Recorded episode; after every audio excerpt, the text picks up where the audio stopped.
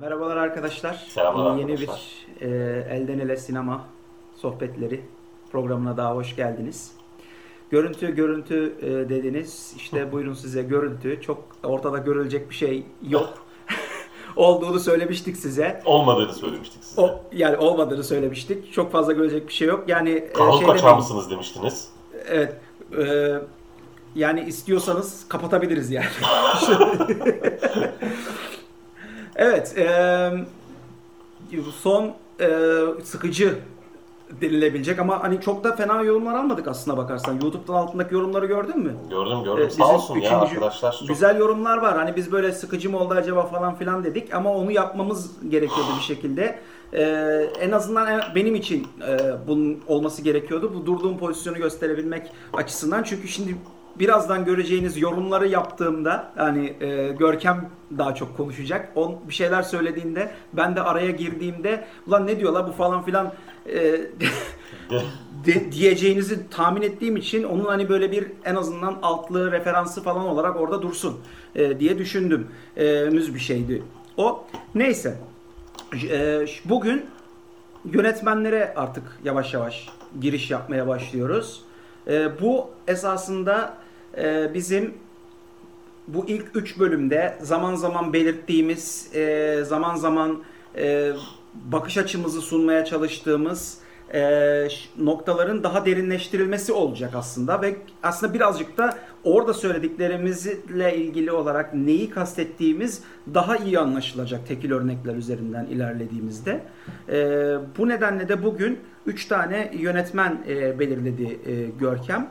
Birincisi Chan Wook Park, Güney Koreli yönetmen, diğeri Fransız yönetmen Gaspar Noé, diğeri de Alexander Payne. O Amerikalı sanırım. Amerikalı. Amerikalı değil mi? Evet. Aha, evet. Ee, şöyle, öncelikle ben Görkem'e topu şöyle atayım. Diyeyim ki neden bu üçünü seçti? Oo, güzel soru. Neden bu üçü? Yani neden ee, Ertem Eğilmez değil de ne bileyim işte ya da David Lynch değil de bunlar. Evet. Şöyle, e, şimdi şöyle gireyim ben muhabbete. E, şimdi normal şartlarda neden bu yönetmenleri seçtik? En başta en çok konuşulan hem genel genel izleyici kitlesi açısından şimdi yani genel izleyici kitlesi derken Avengers izleyenleri kastetmiyorum ama hani sinema dünyasını biraz daha böyle derinlemesine inceleyen, bakan, ne oluyor, ne bitiyor diye e, ayrıntılı bir ayrıntılı bir pencereden bakan sinemaya. Artı hem biraz festivaller, biraz uluslararası e, sinema yazarları, işte IMDb, Criticker gibi önemli sitelerde alınan notlar veya doğru, doğrulan tartışmalarla ilgili artı sinemacıların yaptığı yorumlar üzerinden falan genel bir sinema dünyasına şöyle baktığımızda bir kere bu yönetmenler çok konuşuluyor en başta. İkincisi yaptıkları sinema biraz bu yılları temsil ediyor.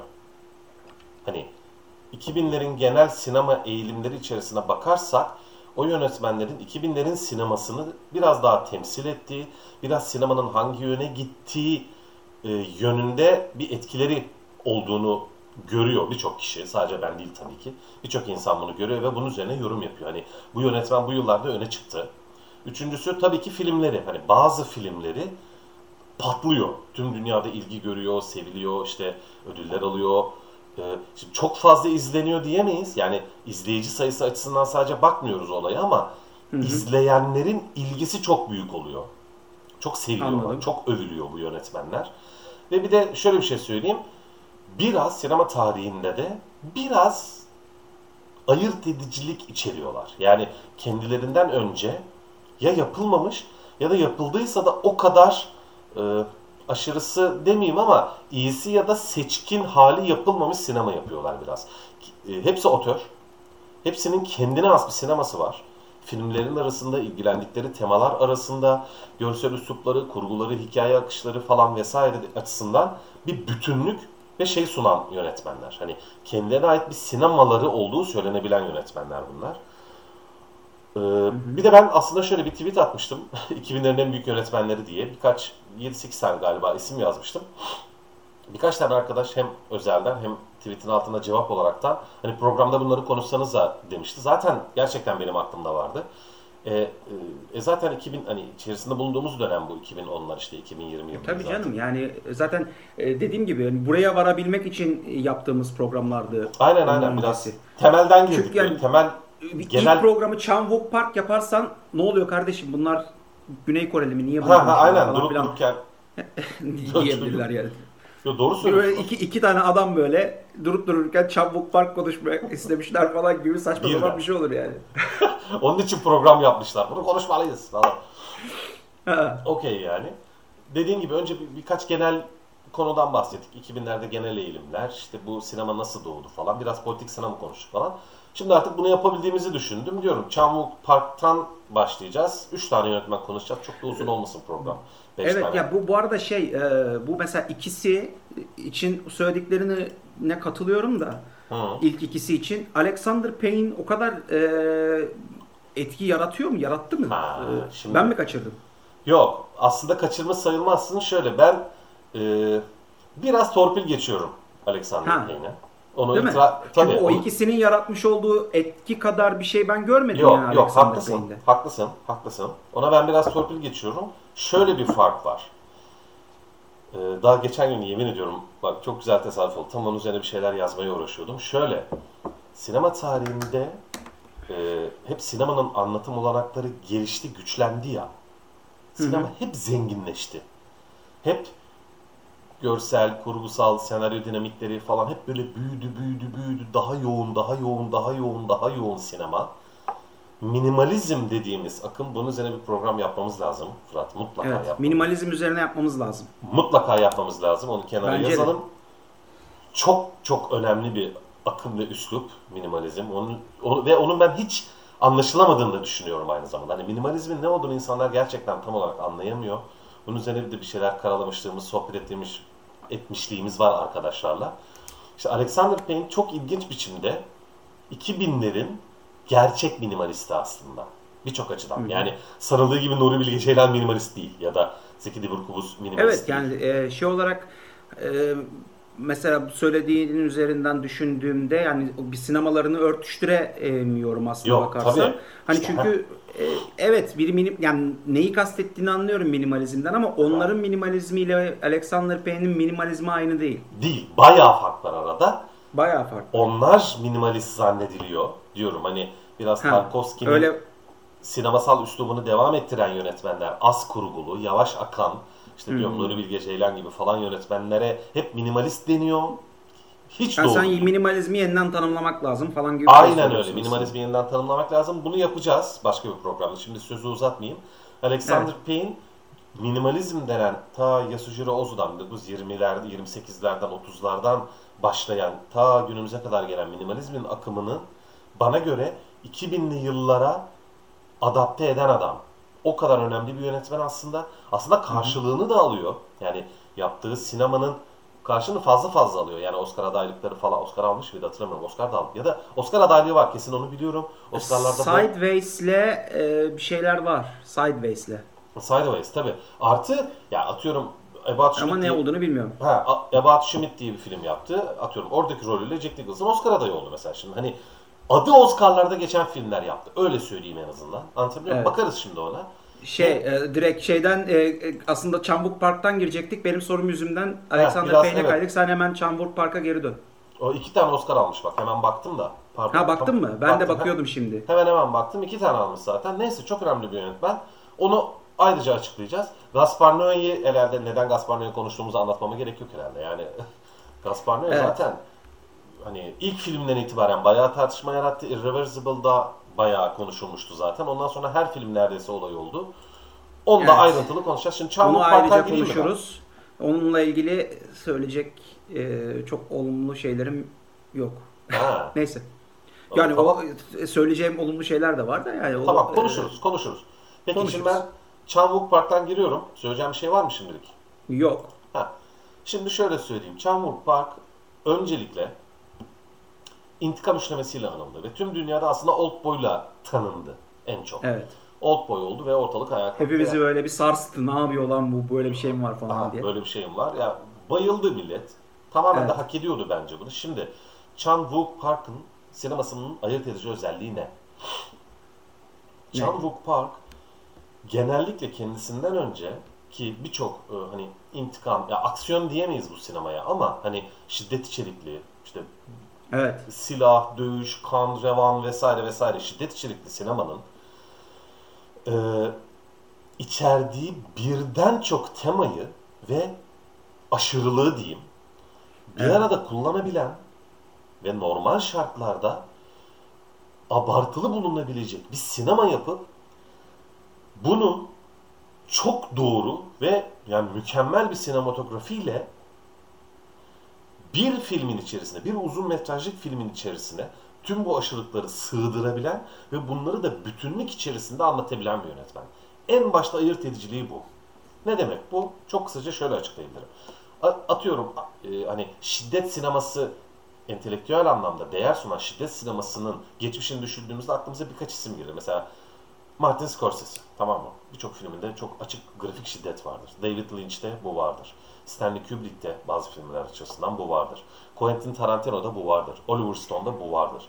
Bunların sinemasına baktığımızda hemen hemen hepsinde belirli bir tema ve belirli bir öykü üzerinden bir şiddet sineması yapıldığı görülür. Örneğin Quentin Tarantino çok net suç öykülerini, işte Hong Kong sinemasını, dövüş filmlerini falan filan kullanan, daha sonra western falan da yaptı. Belli bir öykü ve belli bir tema üzerinden şiddet gösterisi diyeyim yapıyor. Anlatabiliyor muyum? Martin Scorsese zaten mafya filmleri veya suç öyküleri yapar ve yükselme öyküsüdür her zaman Hı hı. Martin Scorsese'nin. Çok Klasik. belli. Anlatabiliyor muyum? Şimdi diğer yönetmenler uzun uzun anlatmayayım. Chan Wook Park'ın farkını söyleyeyim. Şöyle, bir Chan Wook Park filminde birden çok sin- filme konu olabilecek derinlikte ve güçte, etkileyicilikte birden çok şey vardır.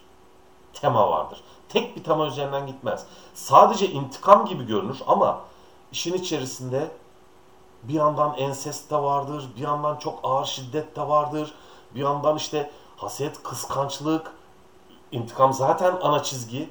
O çok ağır seks sahneleri de vardır. Yani hani ya hani hem lezbiyen ilişkiler hem e, şiddetle cinselliğin bir arada olduğu anlar çok açık şiddet bir de böyle hani sadece atıyorum işte Michael Haneke gibi psikolojik şiddet veya gösterilmeyip hissettirilen falan şiddet de değil. Çok açık net gösterir şiddeti. Onu söyleyecektim. Az önce saydığın o şiddet sineması içerisindeki o yönetmenlerinkinin çok çok daha üzerinde bir Ah. şey var yani. Çok güzel söyledin. Aynen öyle. İşte bak onu söyleyeceğim. Şimdi normal şartlarda günümüz hani 2010'lar için falan bile desek hani öne çıkan yönetmenlerin genel e, sinemasal eğilimlerini falan da düşünsek e, bu kadar çok temayı, bu kadar e, şiddet ortaya çıkarabilen ögeyi ve karakteri bir arada sen bir filme sıkıştırmaya çalışsan bu çok abartılı durur. Hani bunun şakası vardır ya işte şu oluyor, bir de şu oluyor, bir de eh yeter be kardeşim yani hani Mahsun Kırmızıgül filmi. Aynen yani hani o, o kafa hani bir mesaj daha, bir mesaj daha, bir olay daha, bir karakter daha. Yani. İşte öykü zaten çok yoğun. Bir yandan da geçmişe dön orada da şiddet. Atıyorum işte onun kardeşi de şiddete uğramış. Onun babası da zaten şöyleymiş falan. Bir sürü öykü, bir sürü şiddet şiddet. Ya na- hani ne yapıyorsun kardeşim dersin ama öyle değil. Chan Wook Park o kadar e, yoğun ama o kadar stilize ve düzgün bir sinematografi kullanıyor ki hep öykülemeleri de hep karma karışık böyle. Hep geçmişe gidiyor, ileri gidiyor. O karakter, paralel öyküler.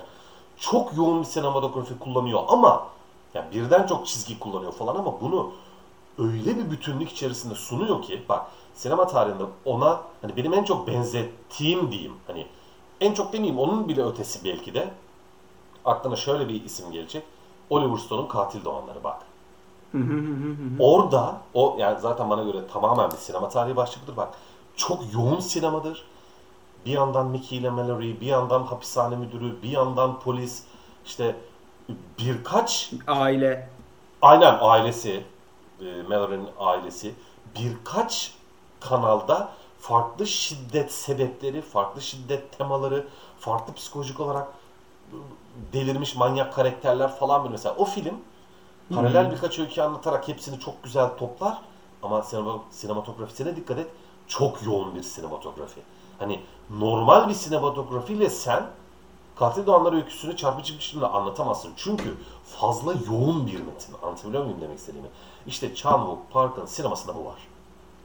Çok yoğun metinler, çok yoğun duygular, çok fazla olay, çok fazla karakter, şiddet ortaya çıkarabilen çok fazla e, alt metin vesaire ve bunları acayip bir sinematografi, kusursuz bir kurgu, anlatabiliyor muyum?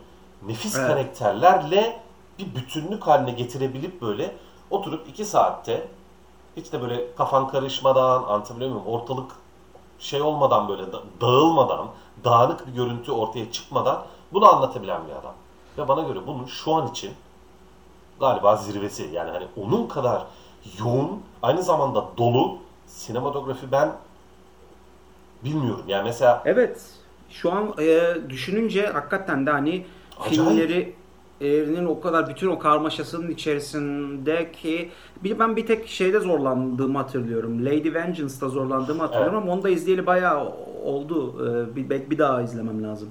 olabilir. Ee, Şöyle söyleyeyim. Ee, Lady Vengeance bana göre yani hani en çok bilinen sevilen filmi Oldboy'dur. Hani uluslararası Old plat- Boy, tabii. platformda da çok şey oldu. Ee, sevgi gördü, ilgi gördü falan. Hak ediyordu tabii. Yani. Acayip bir film yani.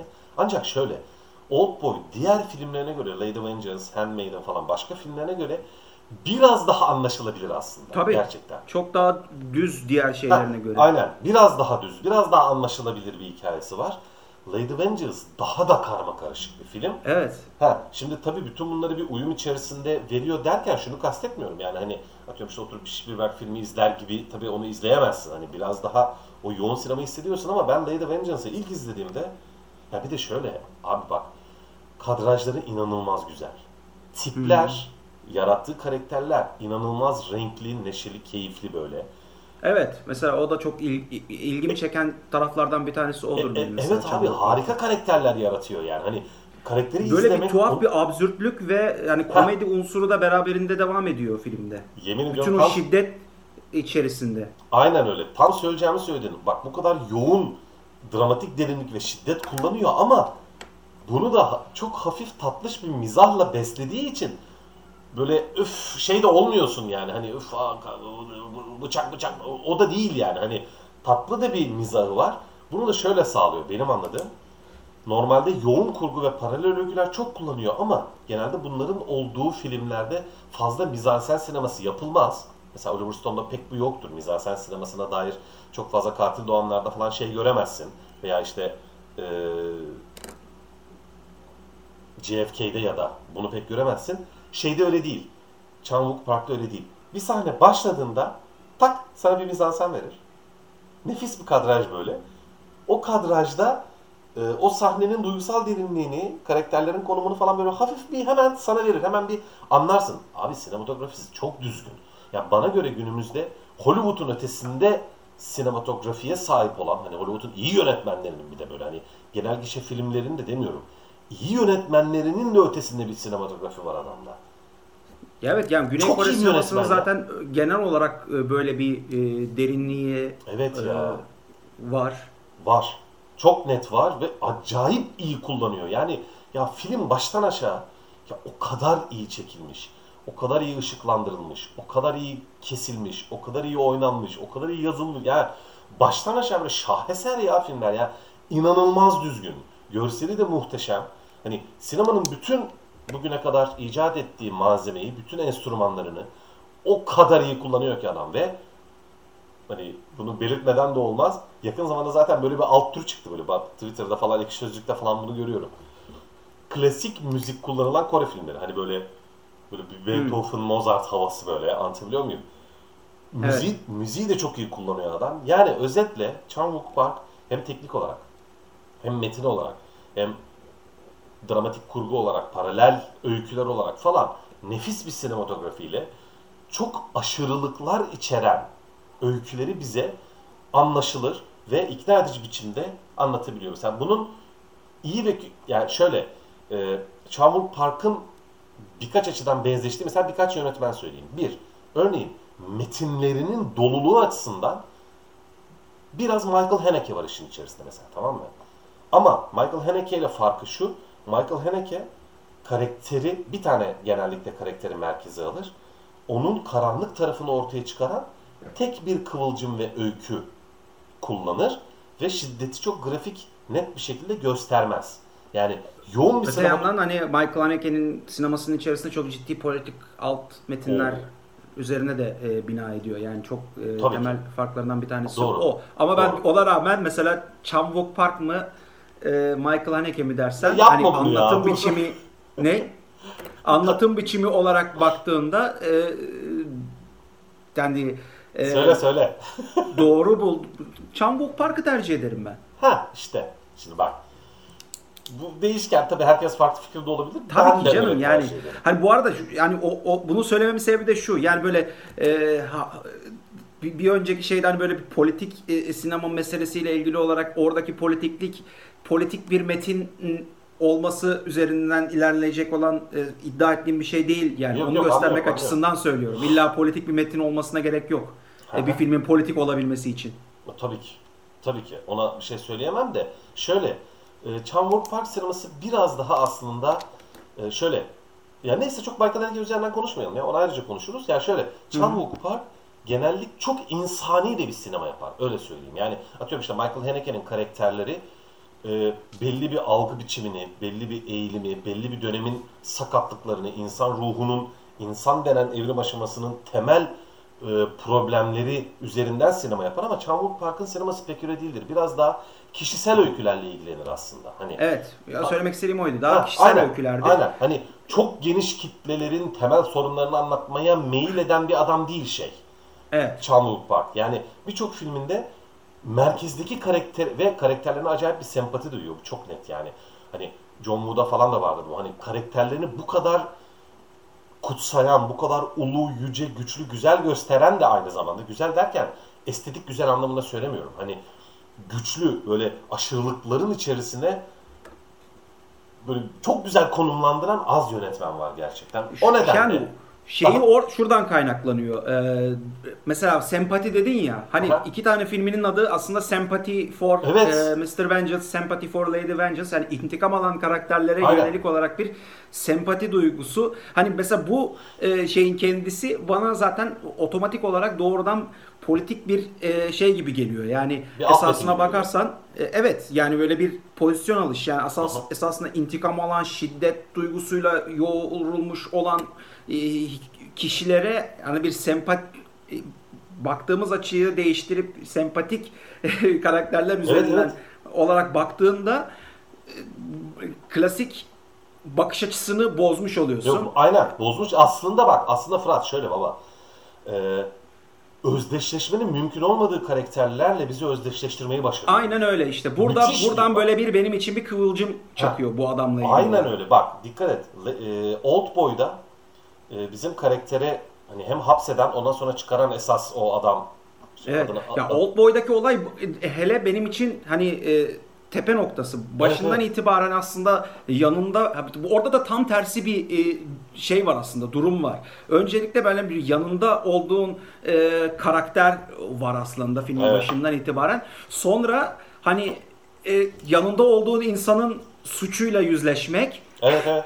Çok doğru. ve bu sefer iğrenç bir şiddet gösteren bir insana karşı hak verme çabası falan bütün o du- duygu durumu böyle alt üst oluyor Oldboy'un içerisinde. Aynen öyle bak bir şey diyeyim sana. Tam onu tam varacağım noktaları sen hemen benden önce söylüyorsun bak. Yemin ediyorum onu diyecektim.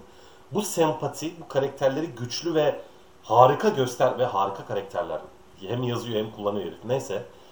Ee, karakter bak hemen ya örnekle açıklayayım. Old Boy'da bizim baş karakteri hapsedip sonra çıkaran o genç zengin herifin Hı hı. kendi kız kardeşiyle yaşadığı aşkı ve cinselliği anlatıyor. Ve bunu duygusal ve dramatik bir sahneyle anlatıyor. Bak. Evet. Yani o karakterin kendi kız kardeşiyle yaşadığı ensest ilişkiyi kendi içerisinde adamın kendi açısından haklı gördüğü gör, görüyor olmasını bize dramatik bir sahneyle anlatmasına izin veriyor.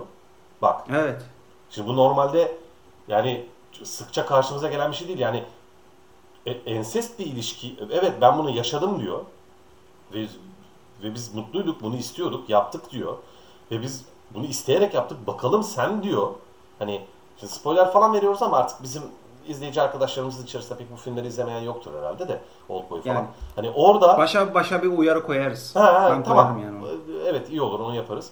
Ee, sen bakalım bununla yaşayabilecek misin falan diyor bak. Hani adam hani şimdi bu tabii biz ona hak verelim demek değil. Bunu normal karşılıyoruz demek değil. İzleyiciden böyle bir talebi yok ama o karakterin bu kadar çarpık bir düşüncesini kendine güvenle ve kendini haklı bularak dile getirmesine izin veren bir sinema yapıyor. Bak bu çok zor. Evet.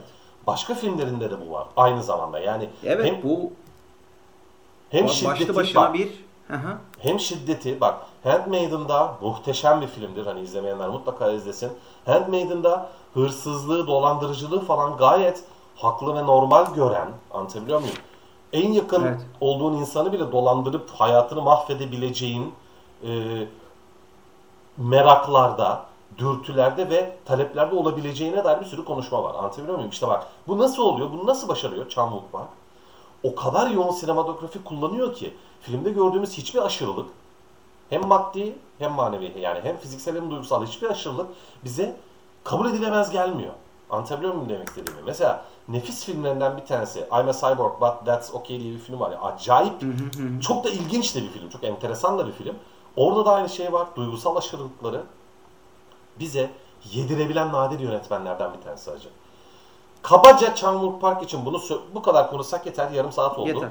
Diğer Evet, yönetmenleri de konuşacağız ama hani bu kadar doğru sinematografi, bu kadar dolu metinler falan benim bildiğim şu an başka bir sinemada da yok. Artı bence Kore sinemasının da hani diğer başka yönetmenler işte bu Paris'te falan filan konuşuldu. Ya hiçbiri bence Wook Park'ın falan yan- yanına bile yanaşamaz. Bana göre bir numara Kore'den çıkmış en büyük yönetmen bence o. Şimdi diğer yönetmenlere geçelim mi? Geçelim. Gaspar Noé'ye geçelim. Gaspar Noé'ye mi geçelim? Hı hı. Tamam peki. Seni mi kıracağız? Şimdi Gaspar Noé e, şimdi ben bütün filmlerini izledim. Hani sinemasında bu kadar bütünlük su- sunan yani atıyorum Wook Park'ta bile bu kadar bütünlük yok. Yani atıyorum Wook Park'ın bir tane Hollywood'da yaptığı film var. Neydi onun adı? Stalker.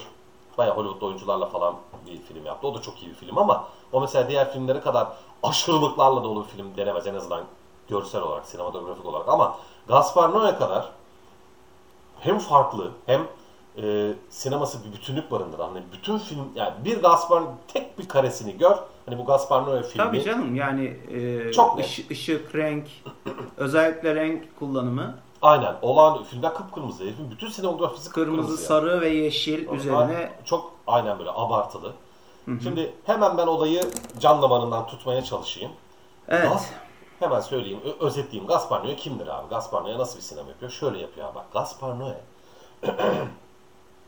aşırılıklarla dolu bir e, hayat ve geçmiş yaşamış karakterlerin aşırılıklarla dolu duygusal iç dünyalarına pencere açmasına olanak verecek aşırılıkta bir ortam yaratıyor. Bu kadar bak. İşin özeti bu. Elimizde sıra dışı hayatlara sahip karakterler var. Uyuşturucu olabilir, garip aile ilişkileri olabilir, garip duygusal cinsel ilişkiler olabilir. Hatta ta ilk film ilk filmine bak hani işte hapisten çıkmış bir adam falan. Hani neticede hepimizin görece toplumun geneli için hani hedeflediğimiz, yaşamak istediğimiz hayatların hiçbirini yaşayamamış karakterlerin ya da çeşitli aşırılıkları zaten hayatın içerisinde olup bunları kabullenmiş, özümsemiş karakterlerin ama sadece özümsemiş değil hani bu bu açıdan farklı kişilikler inşa etmiş karakterler ama bunlar hemen hemen hepsi. Yani aslında hiçbiri her gün sokakta göreceğimiz çok normal insanlar değiller. Aşırılıklarla dolu hayatlar yaşamışlar büyük çoğunluğu. Hani toplumun biraz itilen, biraz kenarında köşesinde kalmış. Hani gerek cinsel hayatları, gerek cinsel tercihleri ya da atıyorum işte uyuşturucu, alkol kullanımı ya da atıyorum hani farklı dünyalarda bulunmuş olmaları nedeniyle ve bu karakterlerin içerisinde bu dünyayı bizi sokuyor o kırmızı renkli, o işte sarı renkle falan böyle hani e, günlük hayatta içerisinde bulunmadığımız bir dünya bize sunuyor. Bu, bu karakterleri de bize tanıtıyor hemen hemen bütün filmlerinde. Ve bu dünyanın içerisinde de, şimdi bak bu dünyaya biz girdiğimizde zaten bir şey oluyorsun böyle. Yani bir Gaspar Noé filminin başına oturup bir 10 dakika geçtiğinde Ne oluyor lan dersin zaten. Hani bu ne, neresi burası? Hani başka bir dünyaya sokar zaten adam bizi kesin. Evet. Ondan sonra o dünya işte bak bu da biraz şey gibi Çamur Park gibi yani bizi garip bir dünyaya sokuyor. Şimdi orada bir de şöyle Gaspar Noé'de hafif bir gerilim sineması şeyi de var. Dokusu da var. Yani hani bizi öyle bir sin- atmosfere dünyaya sokuyor ki hani bu adamın bize tanıttığı dünya buysa bu dünyanın içerisinden nasıl bir aşırılık ortaya çıkacak acaba diye böyle bir geriliyorsun zaten. Anlatabiliyor muyum demek istediğimi?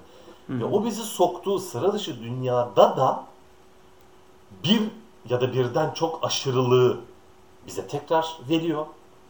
Birden çok aşırılığa geçiyor diyeyim, imza atıyor diyeyim. Ve ilginç olan şu ama bunu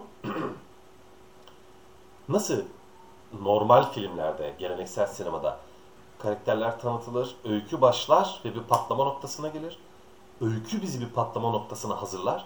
Gaspar Noé görselliğiyle, renk filtreleriyle, kurgusuyla bizi bir aşırılığa hazırlıyor. Yani bir öykü anlatma sinemacısı değil Gaspar Noé. Tamamen atmosferiyle, renk filtreleriyle, kamera hareketleriyle vesaire bir aşırılığa bizi hazırlıyor. Yani sinematografiyle bizi bir aşırılığa hazırlıyor. Hı hı. Bu aşırılığı patlatıyor. Patlattıktan sonra da ya tam olarak ver yansın baba. Yani en güzel hani daha önce ba- başka örnekleri çok ufak tefek vardır tabi. İyi kadraj dediğimiz benim nefis bulduğum, bayıldığım bir e, sinematografik enstrüman var diyeyim. İyi kadraj temel olarak sinemada çarpık bir bakışı temsil eder diye bir kaba bir tanım yapılır. Yani e, normalden normal olmayan, anormal, garip bir an sen izleyiciye göstermek istediğin anda ilk kadraj kullanırsın. İşte Gaspar Noé'nin sinemasının feriştahı bu. Çünkü anlattığı her şey çarpık zaten. Garip. Irreversible'ın başındaki o unutulmaz bilmem 9 dakika mıydı neydi kesintisiz çekim. Zaten kesintisiz çekim meselesinde Evet yani zaten genel e, de öyle bir şey kullanıyor. Of acayip hem de onu da söyleyeceğim. Ama o yani işte ya Climax'te de bu var, Enter the Void'de de var. Çok fazla dönen falan kamera böyle. Çünkü içerisinde bulunduğu, bize tanıttığı dünya ve durum o kadar çarpık ve sıra dışı ki ona yani atıyorum normal bir kadraj yani normal bir bakış atmak mümkün değil. Çok çarpık, çok sıra dışı, çok çarpıcı, çok rahatsız edici. Onun için bol bol eğik kadraj dönen kameralar falan filan vesaire kullanıyor. Ancak ne dedim? Bizi çeşitli aşırılıklara öyküyle hazırlamıyor.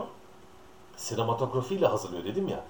İşte o sinematografiyle hazırlama e, talebinin ve isteğinin altında da kurgusuzluk var. Bunun da anlamı sinemasal zamanı değil, gerçek zamanla bizi olaylara hazırlamaya çalışıyor. Ne demek bu? Adam biraz şunu söylüyor. Ben bu kadar yoğun görsellik kullanıyorum.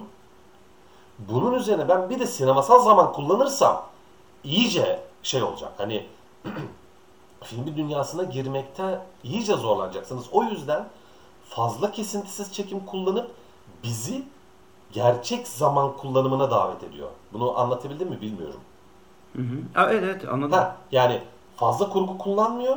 Kesintisiz çekimler kullanıyor. Kesintisiz çekimler kullanıyor. Bu kesintisiz çekimler bizi gerçek zaman algısına davet ediyor ve birçok olayı, birçok o sıra dışı çarpık garip olayı gerçek zamanlı izliyoruz ve bu etkileyiciliğini arttırıyor. Bir de bir sürü kesme koyacak olsa araya o zaman iyice şey olacak yani yalan bir dünya, yapay bir dünya ve bunun belli kısımlarını bize gösteriyor. Hani tamamını göstermiyor. Böyle hani işine geldiği kısmını göz. İşte bunu da yapmıyor adam. Hı hı. Evet. Şimdi benim burada e, şey. ki e, temel şeyim itirazım şu olacak. Yani bu e, yönetmenle ilgili olarak. Yani aslında Aa. sinematografisini çok iyi özetledin. E, bence hani bununla ilgili bir şeyim yok. E, te, bu, bu, bu buna yönelik olarak tercihlerini de fena bulmuyorum e, ben. Fakat e, bu sıra dışılık ve aşırılık dediğin e, olayların birincisi bu olaylarla ilgili bize ne söylediğiyle ilgili ciddi problemlerim var. Bana sanki şöyle gibi geliyor. Yani esasında sinematografisine e, yaptığı yaklaşımı, yaptığı e, benimsediği yaklaşımı sanki hikayesine de e, adapte etmeye çalışıyor ama bunu adapte etmeye çalıştığı noktada çok fazla e, bir zorlama olduğunu düşünüyorum. Yani e, dolandırmadan e, söyleyeyim. Yani örneğin e, mesela o Irreversible'daki tecavüz sahnesi e, de yani şimdi mesela nedir abi o? Yani e, ba- bana kalırsa tamamen böyle bir şey yapmış olmak duygusu o, o olayın o olayın kendisinin önüne e, geçen bir şey haline dönüşüyor. Ne demek istiyorum? Abi kesintisiz 7 dakikalık e, tecavüz sahnesi çektim E, ve bunu böyle izlettim.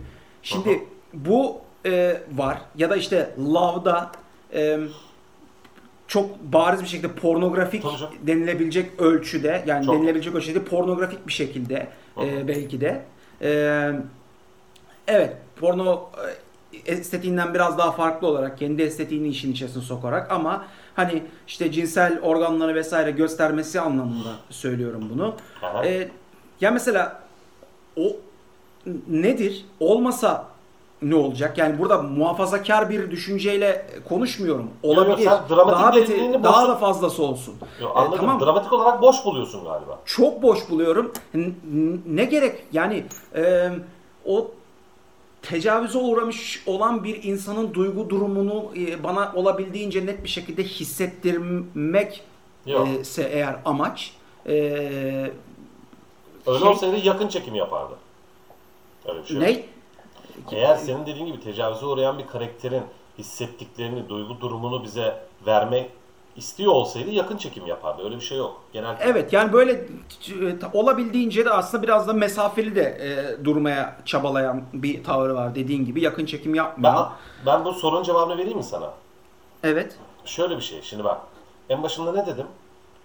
Aşırılık, aşırılıklarla dolmuş karakterlerin aşırılıklarla e, biçimlenmiş kare, kişiliklerini falan diye başladım söze. Ben bunların aşırılık olduğunu da düşünmüyorum ayrıca. şöyle yani bak şimdi, şimdi aşı, abi aşırılık aşırılıktan yapma. kastın ne bilmiyorum da yani mesela e, yani zaten e, yani uyuşturucu kul- kullanmak, e, hapisten çıkmış olmak falan filan bunlar hani mesela Cambuk Park'taki e, meseleler hani ciddi anlamda bir aşırılık e, şeyin Hı, içerisine hı. giriyor. Gerçekten giriyor yani. E, ve e, hani onun gösterdiği e, o aşırılık e, meselesi e, Gaspar Noé'ninki kadar hani böyle niye görüyoruz ki bunun Ya ötesinde bir şeyle birlikte e, geliyor.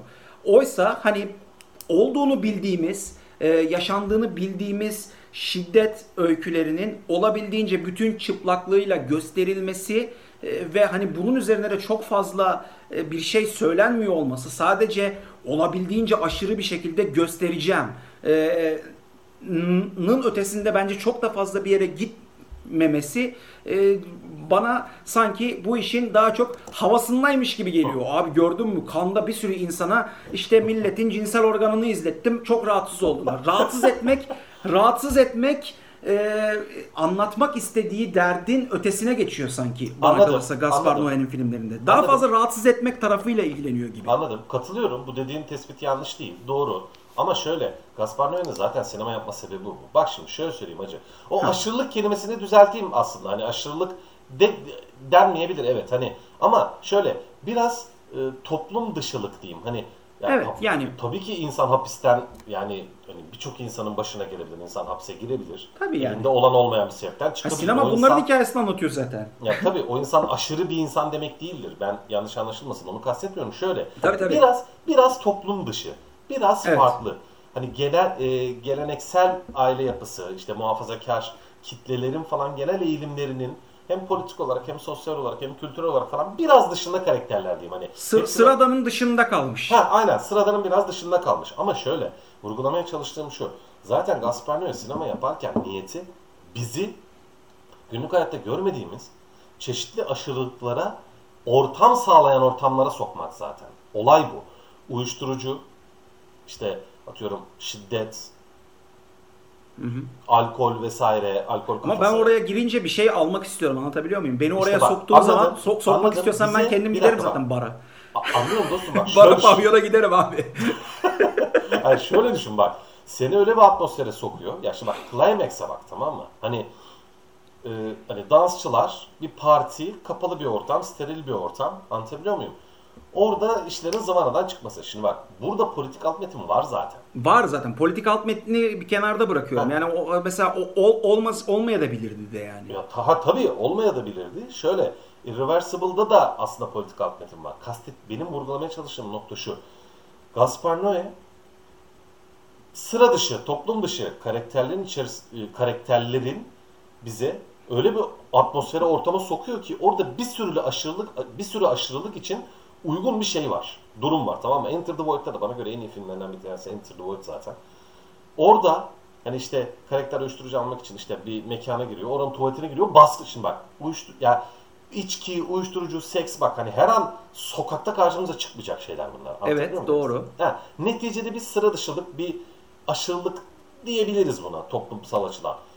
Yani çok abartılı olacak. O yoğun sinematografiyi diyorum, yoğun renk filtrelerini vesaire vesaireyi bize biraz ka- e, kabul edilir demiyorum. Karşımıza çıkması durumunda şaşırmayacağımız bir atmosfere sokuyor. Doğru. Heh, burada olay patlıyor ya şimdi bak. Adam aslında Atmosfer Gas- yaratma becerisiyle ilgili hiçbir itirazım yok. Çok başarılı olduğunu söylüyorum zaten. Eyvallah Hani bir saniye bak. Şu- olarak. şunu sana açıklamaya çalışıyorum. Şöyle bizi o atmosfere ya şöyle acı bak Gaspar Noé bir gözlem ve deneyim sinemacısı aslında.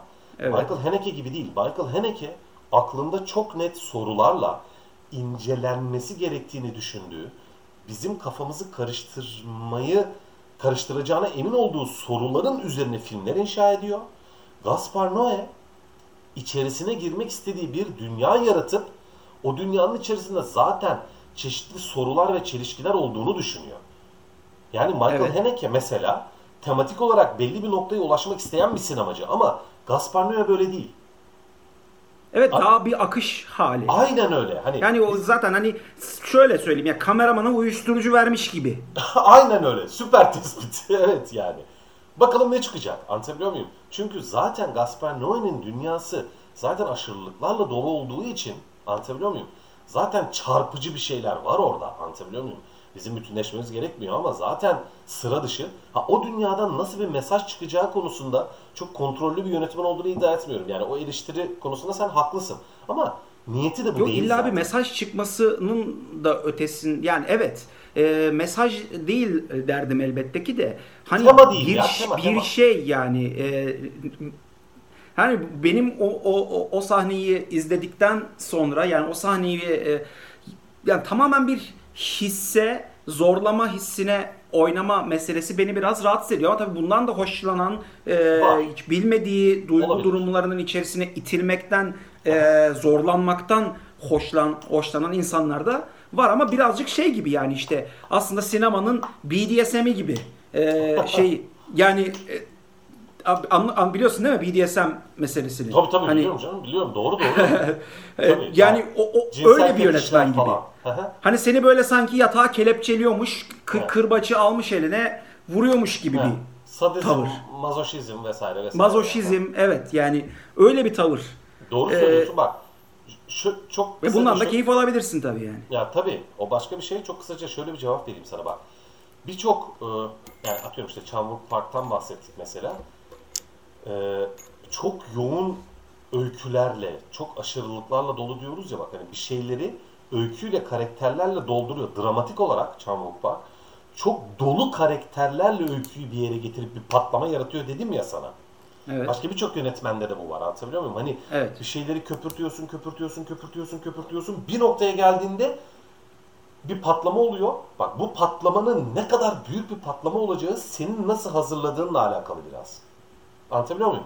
Gaspar Noé bu hazırlığı sadece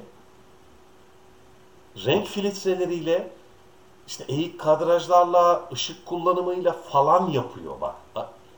Ona has olan zaten bu. Tabii tabii. Anladın demek istediğimi ve bunu yaptığımızda Çok dediğim gibi stilize e, yani stilinin e, yani söylemek istediğim eleştirilerin başı zaten şey bu. Stilinin içeriğinin çok fazla önüne Yok. geçtiği ni düşünüyorum. Yok doğru söylüyorsun. O konuda katılıyorum yani.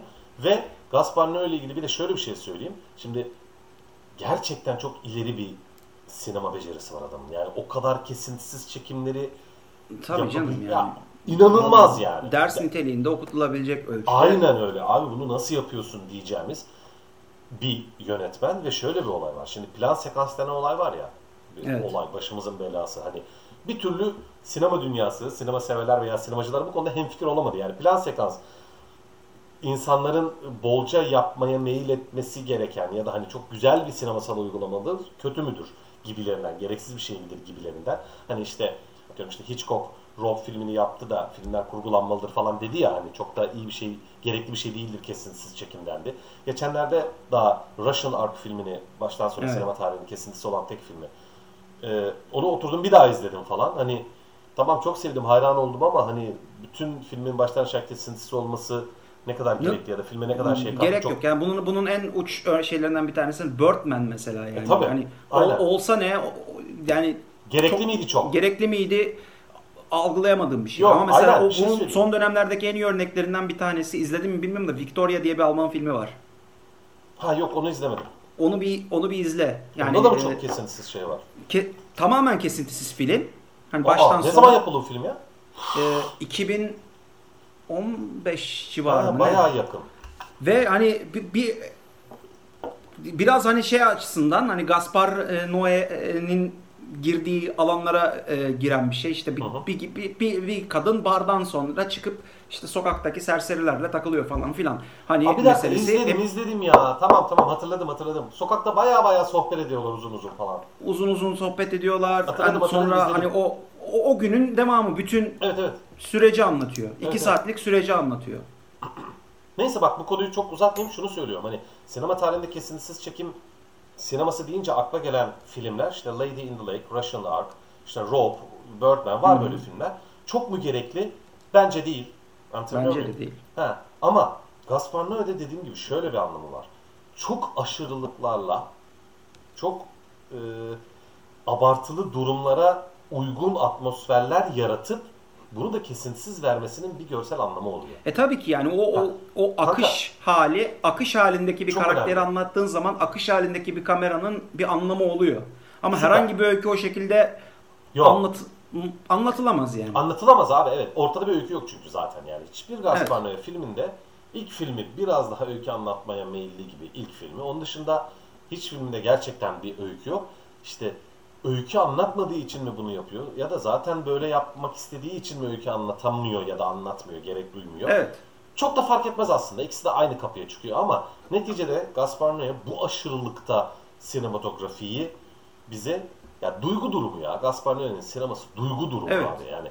Karakterlerin Evet. içerisinde bulunduğu sıra dışı duygu durumlarını bize sinematografik olarak mu, en iyi veren yönetmenlerden bir tanesi.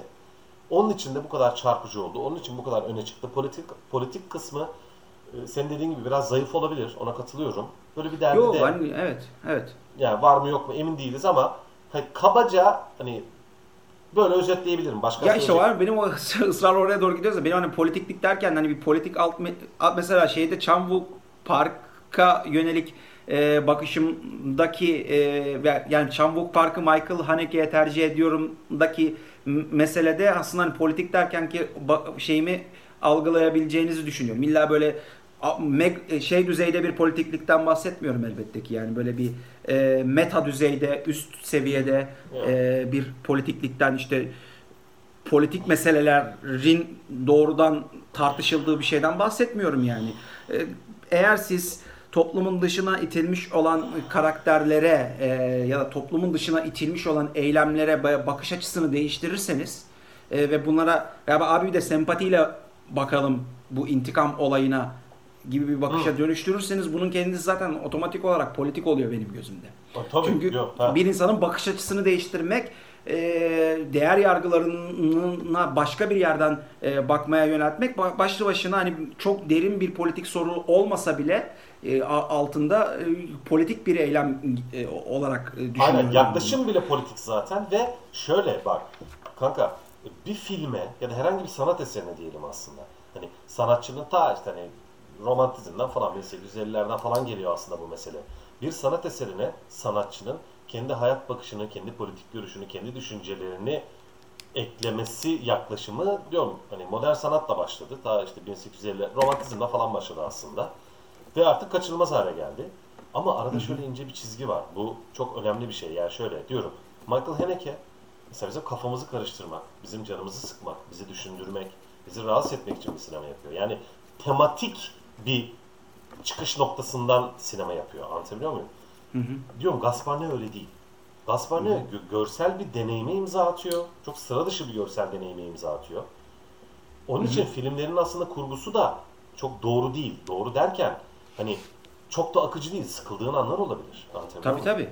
Bir sürü bir sürü gereksiz diyebileceğimiz an var, gereksiz diyebileceğimiz çekim var, gereksiz diyebileceğimiz ayrıntı var. Adam bunu çok da umursamıyor. Bize aslında Yani bakış açısı şu. Yani hayatın içerisinde de böyle gereksiz canımızı sıkan anlar var. Evet evet. Yine Aynen öyle. gösteriyorum ben yine de falan. Bak, aynen bizi sıra dışı bir dünyaya sokuyor. O sıra dışı dünyayı bize deneyimletmeye çalışıyor. O sıra dışı dünyanın içerisinde var olan her şeyi ilgi ve sevgiyle karşılamamızı beklemiyor zaten. Evet. Ee, şey, e, Alexander Payne'e geçelim. Geçelim. Ee, Ondan Okey. önce e, şey, e, şunu söyleyerek biti- bitireyim ben. Hani e, bir ör- söylemek istediğimin örneği olarak mesela şimdi e, dönüş yoku e, düşünecek olursak, irreversible'ı düşünecek olursak, şimdi orada bize çok ağır bir durumun özetliyor e, filmin ortasında başında ve ge- geriye döndüğünde hani filmin bitiriş şeyi yine spoiler verecek gibi oluyor. Aslında hani tecavüze uğrayan kadının bir hamile olduğunu öğreniyoruz aslına bakarsak e, filmin sonunda. Filmin hani tap noktası, doruk noktası e, bir açıdan hani bu, burayla bağlanıyor diyelim. Tap noktası demeyelim de burayla bağlanıyor. Şimdi hani Chan Wook Park'ın rahatsız ediciliğiyle Gaspar Noé'nin rahatsız ediciliği arasındaki farkı gösterebilmek açısından buraya işaret etmek gere- gerektiğini düşünüyorum. Çünkü şimdi hani tecavüze uğrayan bir kadının ekstradan hamile olmuş olmasının bende yaratmış olduğu çok böyle e, bir şey etki yok ama Chan Wook Park geri döndüğünde ve bize o bağlayıcı noktayı sunduğunda lan İkna diyorsun bambaşka bir hayır bambaşka bir boyut açılıyor. Anlatabiliyor muyum? Hani inanılır gibi bir boyut açılmıyor. Yani şeyde Gaspar Noé'nin onu gösterdiği o bağladığı nokta hani e, yani bu anlattığın gibi bir temasızlık, bir öykü öyküsüzlük e, halinin de bir sonucu olarak Tabii, hani tabii. bana çok ekstradan bir şey getirmiyor. Yani o bir bağlama olmuyor. O sadece bir virgül gibi bir şey oluyor Evet, yani. evet, ona katılıyorum ya. Dediğin doğru yani. Hı. Doğru söylüyorsun. Onun öyle bir sıkıntı yok ama bir öykü anlatmadığı için Evet. Bir bizi hazırlayamaz yani. Duygusal olarak hazırlamıyor yani. Bunu yapmıyor. Hani- yapabilir mi, yapamaz mı? Yani şimdi Chan Park oradaki bir şey bağlıyor Oo. olsaydı, Irreversible'ı bağlıyor olsaydı o başındaki o mevzu çok Tabii. bambaşka bir şey Aynen. olurdu. Aynen İkisi arasındaki farkı vurgulamak için anlattım bunu. Tabii tabii yok Evet. çok doğru söylüyorsun canım. O- Öyle bir şey koyardı ki oraya hadi lan derdin yani. Böyle bir şey mi olur yani, falan. doğru. Böyle şey mi olur Hayır, falan dersin. ya sırf Old Boy'daki bile bak o soru beni çok etkilemişti. Diyor ki sen, sen diyor hep bir sorunun peşinden koştun. Seni niye hapsettim? Yalnız soruyu sordum. Şunu soracaktın. Seni niye bıraktım? Bak. Evet. Oğlum çok zekice lan yani ve Çok çok çok zekice öyle gerçekten- müdahaleleri çok fazla var zaten. Ama işte bu aslında bir Acayip öykü bir şey. anlatıyor olmanın e, verdiği zenginlik onun Aynen sinemasında. öyle. Çok doğru söylüyorsun bak. Acayip tespit yapıyorsun. Doğru. O kadar dolu güzel öyküler kullanıyor ki. Yani aslında Park bizi hem görsel olarak hazırlıyor hem de dramatik olarak hazırlıyor. Yani tema olarak da hazırlıyor. Öykü olarak da acayip aşırılıkları hazırlıyor. Filmin sonunda yani ne kakalası alıyorsun abi yani. Hani Ha. çok dolu çünkü ve çok matematik olarak da çok düzgün böyle. Evet. Acayip düzgün. Onun için hani o anlamda evet tematik derinlik olarak şey e, Wook Park'ın sineması çok daha yoğun. Gaspar Noé'nin sineması da ama görsel olarak dediğim gibi hani Tabii. sinema deneyimi olarak hipnotik etki falan diyorlar ya Hipnotik buna böyle. evet Hani evet doğru bir de- işte tam tam Ha. o özet. Halüsinatif. Çok öyle ve bir de şu Hacı senin rahatsız olup yani şöyle hani Wook Park'ın sineması çok yoğun ve yorucu bir sinema olsa da elbette biraz daha an- yani e, izleyicisini hiç umursamadığını iddia edemem Wook Park'ın ama Gaspar Noé gerçekten umursamıyor ya. Yani Evet, hani evet. Gaspar Noé'nin ben bir tane filmini sinemada izledim. Abi hani evde izliyorsun biraz daha rahat bir ortamdasın. Sinemada tamamen karanlıkta devasa bir perdede o kadar yoğun sinema ya peri, ya sarhoş olmuş. Ya işte dediğim gibi hani bu böyle birazcık gerçekten BDSM evet, gibi evet, bir şey. Aynen yani öyle. seni e, o duygu durumunun içerisinde o şey Aynen öyle. Aynen hani öyle. bir çeşit sadist mazoşist bir duygu içerisinde Aynen olman öyle. lazım yani. Çok doğru söylüyorsun. Tamamen katılıyorum. Biraz sakinleşelim mi? Alexander Payne'e Ah geçelim. işte çok güzel oldu aslında böyle Ha. bir o, o dengeyi iyi kurduk. Evet, Şimdi evet. birazcık böyle gevşeyelim Alexander evet. Payne'e gidelim abi içim içim sıkıldı yemin ediyorum. Ay. Benim de Düşündükçe tecavüz, intikam, kan, vahşet. tabii bak canım yani bunlar güzel güzel hikayeler var aynı Evet, zamanda hayatta. O kadar güzel hikayeler var. O kadar ya bu adam o kadar harika bir adam ki bak şimdi abi. Ben hemen yine zaten benim Twitter'da yönetmen özeti şey etiketiyle bir seri yaptım ya ben o Evet evet güzel beğeniyorum. çok hoşuma gitti ya. Benim ben bile yaptığıma mutlu oluyorum yani. Hani şey e, benzer bir şey pek fazla görmedim böyle tek tweetli bir yönetmeni özetlemek. Hoşuma gitti. Güzel bir arşiv oldu mu bence yani. Evet evet bence de güzel. Teşekkür Ee, zor Şöyle- bir şey aynı zamanda yani. Ya o Birçok filmin zor- ortak noktasını bulup Kanka sana yemin ediyorum bir tweet için bir saat düşündüğüm oluyor. O doğru tweet- yani her kelimenin bir önlemi oluyor dolayısıyla. Aynen öyle. Ay, ya bir bak Anlayabiliyorum. tek karakter taşıyor. Nereden sileceğim kelime o, o kelime eş anlamlı şunu kullanayım falan. O kadar zorlanıyorum ki aslında ama güzel bir seçki oldu bence. Şimdi Alexander Payne için de oradaki attığım yaptığım Evet. özet bence çok doğruydu. Şöyle bütün filmlerinde aynı şey var ya tam bir otör adam ya ve o kadar güzel ki. Hemen söyleyeyim Alexander Payne'in sinemasının özeti şu. Hayatının belli bir aşamasına gelmiş bir karakter. Bir nedenle hayatını tekrar gözden geçirmek zorunda kalır ve aslında toplamda başarısız bir karakter olduğunu farkına varır. Evet. Hayatını bir gözden geçirir. Bir sebeple bir şey olur hayatında bir karakterin. Şöyle dönüş dönüp bir geriye bakar ve hayatını tekrar gözden geçirdiğinde başarısız bir karakter olduğunu fark eder. Bunu fark edip değiştirmeye çalışır ya da hayatını farklı bir yöne göndermeye çalışır. Farklı bir tarafa yönlendirmeye çalışır. Bunu da başaramaz. Ama bu farkındalık ona ayrı bir umut verir. Evet tam A- About Schmidt. Tam About Schmidt. Tam evet yani Sideways'te böyle Desk and Evet. Hepsi böyle bak. Bak şimdi. Ama şey About Schmidt çok net böyle. Hani çok net böyle yani. çok evet. net böyle abi yani. Hani da, tam bu yani. Tam bu özet. Şimdi bak şöyle söyleyeyim. Minimalizm meselesine bir an önce girelim çünkü o konu çok uzun. Dediğim Hı hı. gibi minimalizm sinemasını ayrıca konuşacağız. Ona bir program yapacağız. Ben ta böyle sinema tarihinin en derinliklerinden o konuyu anlatacağım ama şöyle kısa bir şey söyleyeyim. Alexander Payne sinemasının e, minimalizmi nerede? Bu noktada kısaca tabii minimalizmin özetini yapmak zorundayım. Minimalist sinema herhangi bir filmin ortaya çıkaran tüm enstrümanların az, öz, kısa ve yoğunluktan ve aşırılıktan uzak olması durumu. Çok kabaca böyle özetleyebilirim.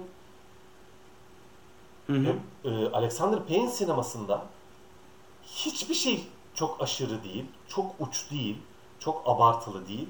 Her şey, hemen hemen her şey günlük hayatta karşı karşı karşımıza gelebilecek şeyler, olaylar. Tamamı.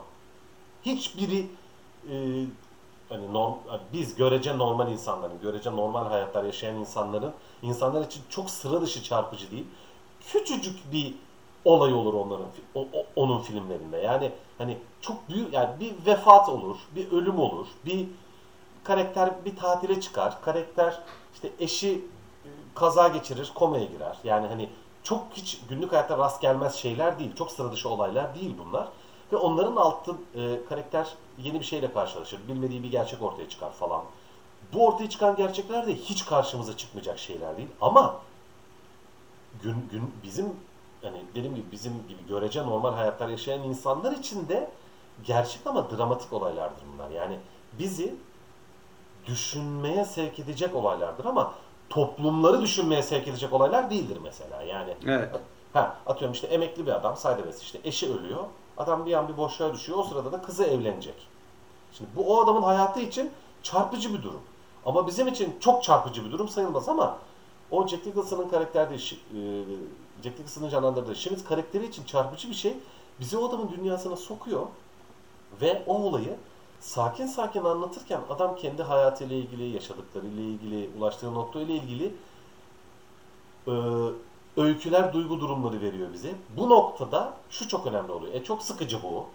Hani sıkıcı gelebilir birçok insan hani Alexander Payne filmleri. Hayır. Sıkıcı olmuyor. Niye biliyor musun? Çünkü bizim karşımıza getirdiği gayet normal, anlaşılır bir öykü içerisinde o kadar ince, e, dramatik ve komik anlar yakalıyor ki, o kadar ince şeyler yakalıyor ki, Evet. on ya o öykü içerisinde on gayet sıradan demeyeceğim hani anlaşılır ve karşılaşılabilir öykü içerisinde küçük çarpıcılıklar ortaya çıkarıyor. Bak çok küçük bir örnek vereceğim. Mesela Sideways filminde bana göre en iyi filmi Sideways. Yani About Schmidt aslında tam Alexander Payne'in sinemasının özetidir de Sideways bana göre daha iyi bir film.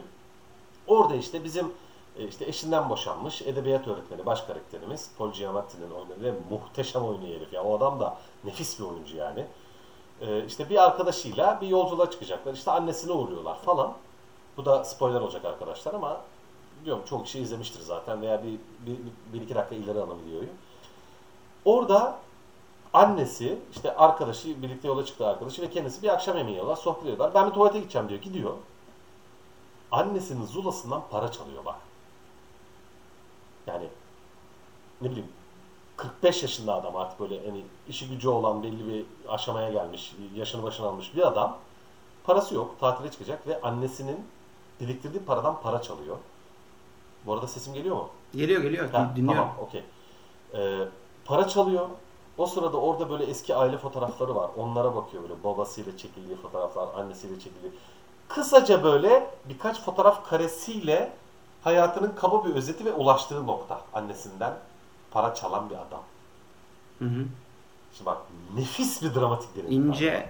Evet. Çok evet abi çok ince ya yani.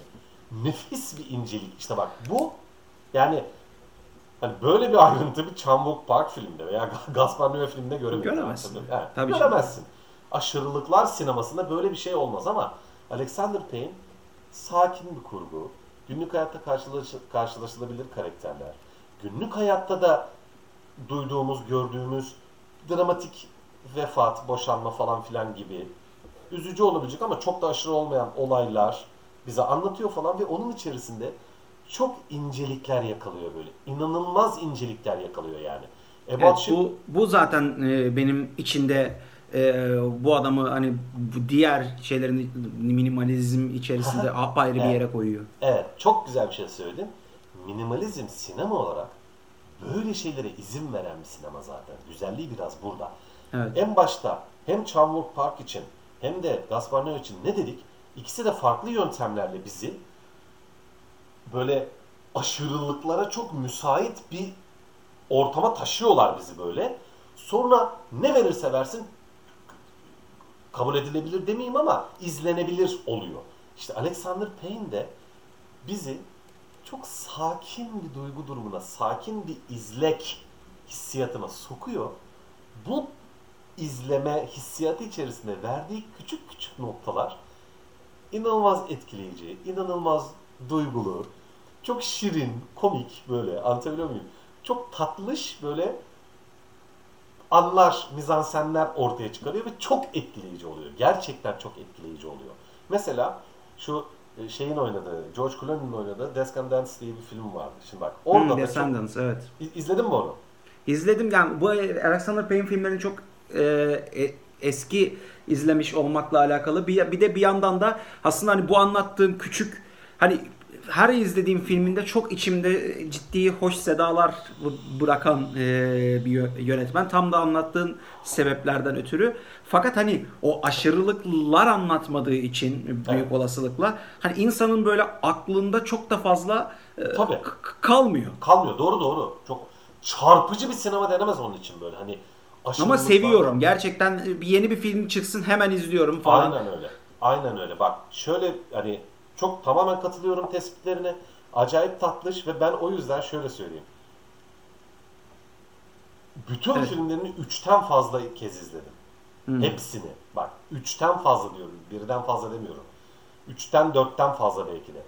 Çünkü izledikçe fark ettiğin o kadar küçük tatlı anlar var ki var ki bak Descandance'de şöyle bir şey var. İşte e, işte Hawaii'de yaşayan bir adam böyle. Ailesi, çoluğu, çocuğu, karısı falan filan. Karısı işte tekneyle e, kayak yaparken düşüyor, komaya giriyor falan böyle vesaire neyse.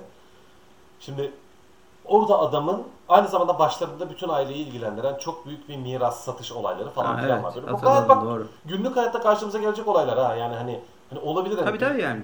Evet çok aşırılıklarla değil ama adamın kendi hayatını, karısıyla olan ilişkisini, komada olan karısıyla olan ilişkisini, işte ailesiyle, diğer akrabalarıyla ilişkisi falan o kadar tatlış tatlış anlatıyor ya. Şimdi bak, e, izlerken bir ana öyküyü izliyorsun, tamam mı? Ana öykü zaten baş karakterin psikolojik durumunu, halini, tavrını bir yerlere çekiyor böyle. Hani adam şimdi hiç aşırılıklar sineması değil ama neticede ortada bir öykü var ve bu öykü bizim baş karakterimizi bir yerlere çekiyor böyle. Hani adam yapmak istemediği, yapmak zorunda kaldığı falan bir şeylerle karşı karşıya geliyor. Eyvallah. Bir öykü var tabii ki çok düzgün, güzel bir öykü var. Ama bir yandan da adamın bu ortaya gelen çarpıcılıkla sıra dışı, yani e, kıvılcımla diyeyim yani duygu durumunun da başka bir şeye evrilişini görüyoruz. O duygu durumu ne biliyor musun? Az önce söylediğim şey tanımını yaparken aslında başarısız bir insan olduğunu fark ediyor karakter. Aslında karak buradaki karakterlerin hepsinin işi var, gücü var, ailesi var, çoluğu çocuğu var, belli bir kariyeri var falan filan yani hani günlük hayatta böyle baktığında şey değil. Çok başarısız Yani karakterler gibi e, kendi başarısızlığıyla e, hayatı boyunca yüzleşmemiş olan karakterlerin kendi başarısızlıklarıyla yüzleşmesinin hikayesi aslında. Süper. Aynen öyle. Tam yine söyleyeceğimi söyledin. Sus lan. Tam o abi. Yani aslında biraz da bize laf çakıyor yani. Hani Evet. işte Benim evlendin. de değerli bulduğum kısım mesela bu burası. Evet. Hani basit orta sınıf hayatlarının içinde e, hani huzurlu ve mutluluğun içerisinde esasında gizlenmiş bir huzursuzluk ve mutsuzluk olduğu Süper. hikayesi Çok doğru. esasında. Nefis bir tespit sinemacısı yine. Hani sen sen evlendin. işte çoluk çocuk sahibi oldun. Belli bir işin oldu. İşte Ebat Schmidt değil mi? Ne kadar Evet evet ya. yani hayatı net. boyunca da standart bir hayat yaşamış ve Evet, bunun mesela özellikle ben yaşlı karakterlerde yaptığı zaman çok daha hoşuma gidiyor. Nebraska'da, About Doğru aynen Nebraska. Nefis bir film. Aynen dediğin gibi katılıyorum. Ve şöyle bir olay. Yaşlı karakterlerin kullandığı filmler de var zaten. Nebraska Evet, ve Ebat işte. Çok net. O Şöyle ikisi. hani e, aslında saldırdığı şeyin yani Alexander Payne'in tema olarak eleştirdiği, incelediği şey aslında e, hani görece normal yaşam dinamikleri değil. Biraz normal yaşam dinamiklerine sahip olmaya çalışan ama bunu çalışırken aslında kendisine de yalan söyleyen. Hani Evet.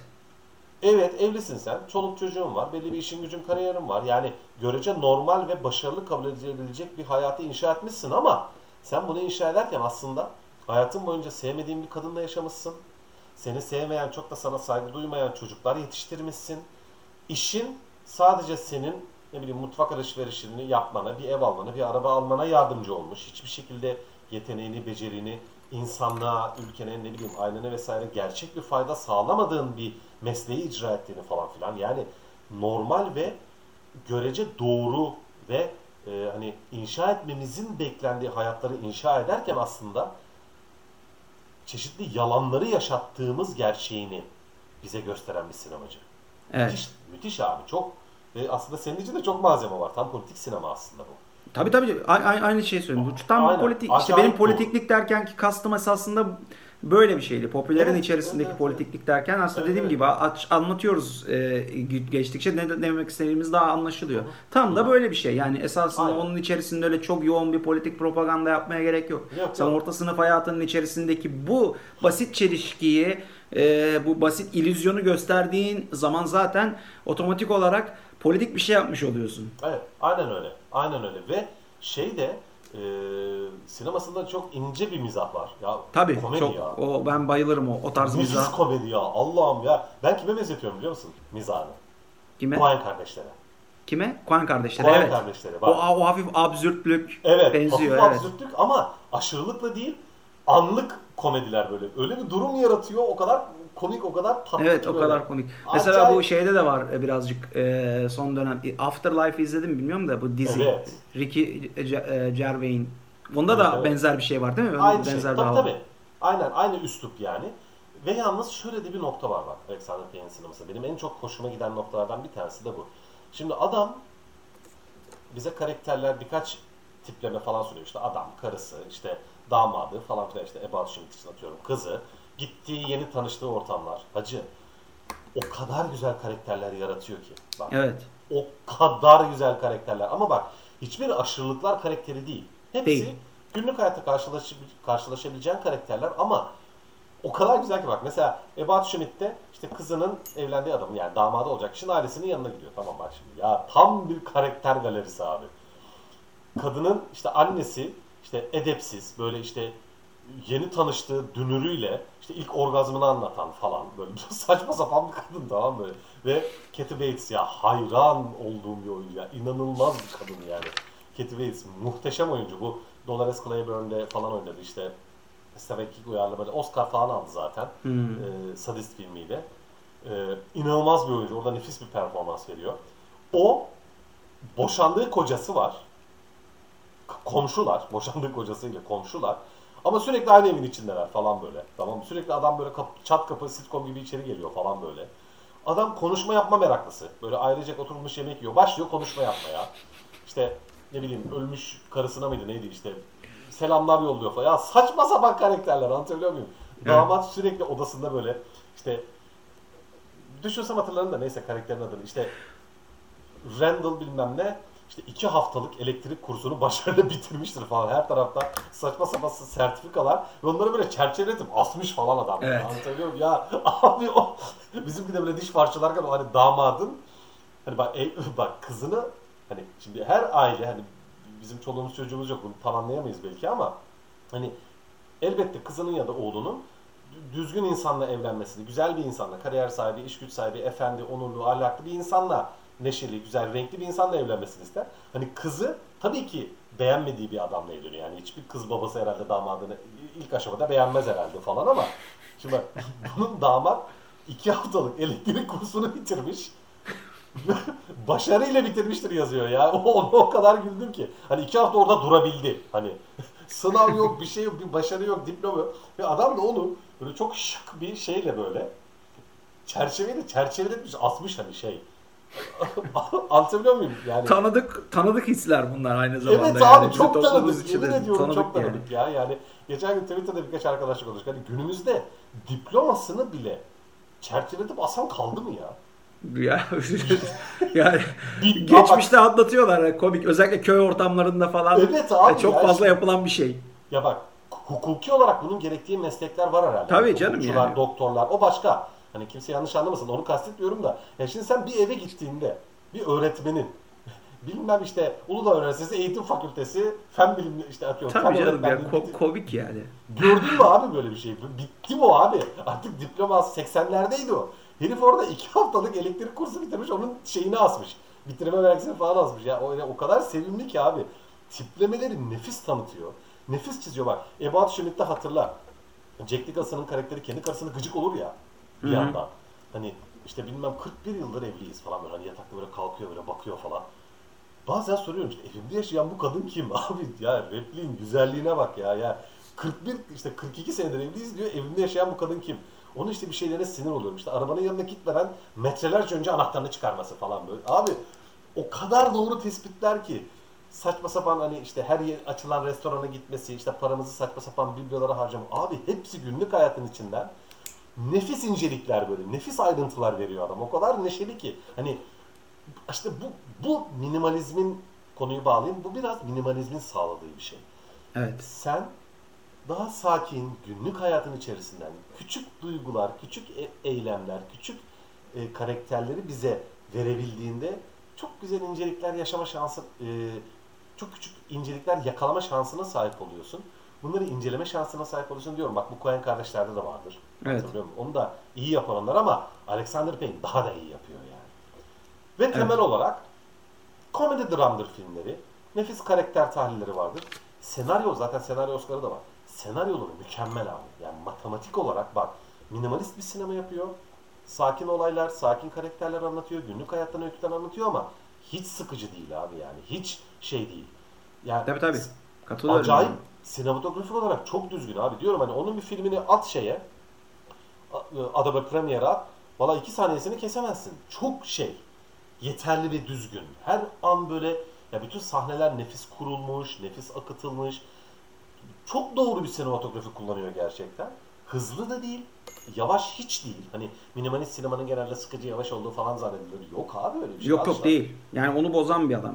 Evet abi onu bozan bir adam. İnanılmaz düzgün ve bir şey söyleyeyim sana. Çünkü hani şeyle de e, yani minimalist sinemanın esasında e, e, sinematografik anlatım tekniklerini çok fazla da kullanmıyor. Yani kurgu yapıyor mesela yani. Sahne Tabii, içi kurgu, yapıyor. kesme, mizansen yok yani çok fazla. Aynen bak. Çok da uzatmamak için gel yine tam söyleyeceğimi söyledin. Şöyle hani konuyu onunla bağlamak istiyorum. Hani onu tanıtırken dedim ya minimalist sinemayı günümüze adapte eden en önemli yönetmenlerden bir tanesi dedim ya. Şimdi şöyle. Minimalizm sinema dediğim gibi sinemaya ortaya çıkan bütün enstrümanların aşırılıktan uzak, az, mümkün olduğunca sade kullanıldığı sinemaya deniyor dedim ya şimdi bak.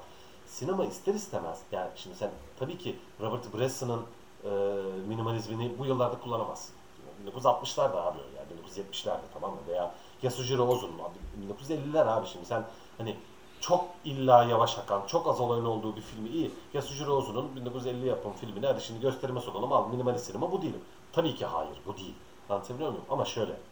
Elbette sinema biraz daha yoğunlaştı, biraz daha zenginleşti, daha çok karakter, daha çok olay falan filan ama bak şöyle ince bir nokta var. Alexander Payne sinemasında. Sana bir öykü anlatıyor. Fil, o öykü birincisi günlük hayatta tamamen karşılaşabileceğimiz olaylar, karakterler, duygular içeriyor. Bu bir diyorum yani Gaspar Noé gibi, Chan-wook Park gibi falan değil. Stanley Kubrick gibi, Michael Haneke gibi değil yani. Bu bir. İki, bunu tamamen destekleyici bir sinema kullanıyor ama kurgusu falan veya hani kesintisiz çekimleri ya da biraz daha kurgu kullandığı çekimler falan hep merkezdeki duyguyu destekler nit- nitelikte. Merkezdeki duyguya bir şeyler ekleme niyetinde değil. Bak. Şimdi bak bu durumu ayırt etmek lazım. Başka sinemalarda, yoğun sinemada ortada bir öykü anlatır. Yönetmen farklı kamera açıları, farklı kurgu uygulamalarıyla falan ortadaki duruma başka şeyler eklemeye çalışır. Başka duygu durumları eklemeye çalışır. Alexander Payne'de böyle bir şey yok. Merkezdeki öyküyü ve duyguyu takip yani merkezdeki öyküye hizmet eden bir görsellik yapıyor. Bunu da olabilecek en sade hali. Hani Fırat şey vardır ya, çıkarabildiğin her şeyi çıkar vardır ya abi. Hmm. Temel Evet. mantığımız hani sinema yaparken, bir film yaparken hani bu çekimi çıkar abi çıkar gerek yok. Onun filmden bir şey çıkaramazsın. Ya çıkardığında filmden de bir şeyler eksilir. Doğru. Ama ha, bu yapabildiğinde ama en sadesini yapıyor. İşte bu günümüz senaryo hani şimdi senaryo yazma sanatının da ulaştığı bir nokta var veya senaristinin de ulaştığı bir nokta var. Işık kullanımı, görüntü yönetimi, kurgu, sanat yönetimi hani sinemanın farklı uzmanlıklarının elbette ulaştığı bir nokta var. Bunları daha da azaltmaya çalışmak fakirleşme anlamına gelebilir. Daha da sadeleştirmeye çalışmak. Evet. Hayır, adam bunu yapmıyor ama günümüz sinemasının ulaştığı nokta ve düzey düşünülürse bunu en sade biçimde yapan yönetmenlerden bir tanesi diyebilirim ve Alexander Payne'le ilgili herhalde bu kadar. Evet, evet, toparladık ve Ha, toparladıysam bitirelim çünkü bence. uzadı birazcık. Ha, Ee, oh, güzel oldu. bitirdik. E, Şu o zaman hani bir toparlayıcı e, bir şeyler söylemek ister misin? Yoksa İsterim. Şöyle Heh. söyleyeyim. Şöyle denkledik. Çok kısaca söyleyeceğim zaten. İki aşırılıklar, bir sadelikler yönetmeni anlatmış olduk. Biraz e, farklı hani bu yönetmen serilerimiz devam edecek. Bu bir oldu yani. Evet. 2000'lerin önemli yönetmenleri. bakalım bir sonraki neyin üzerine olur? Bunlara Görkem karar veriyor. Ha, bakacağım ben yönetmenleri inceleyeceğim. Bunun üzerine konuşacağız. Yine yönetmenleri konuşacağız. Günümüz sinemasındaki özelliklerini konuşacağız. Katkılarını konuşacağız falan. Bu seri devam edecek. Bence lezzetli oldu, güzel oldu. Bugün böyle oldu. Artık bir dahakine bakalım hangi yönetmenleri yapacaksak. Ona göre Evet. yine keyifli bir sohbet icra etmeye çalışacağız. Teşekkürler arkadaşlar. Hadi bakalım görüşmek üzere. Görüşmek üzere. Bir sonraki programda.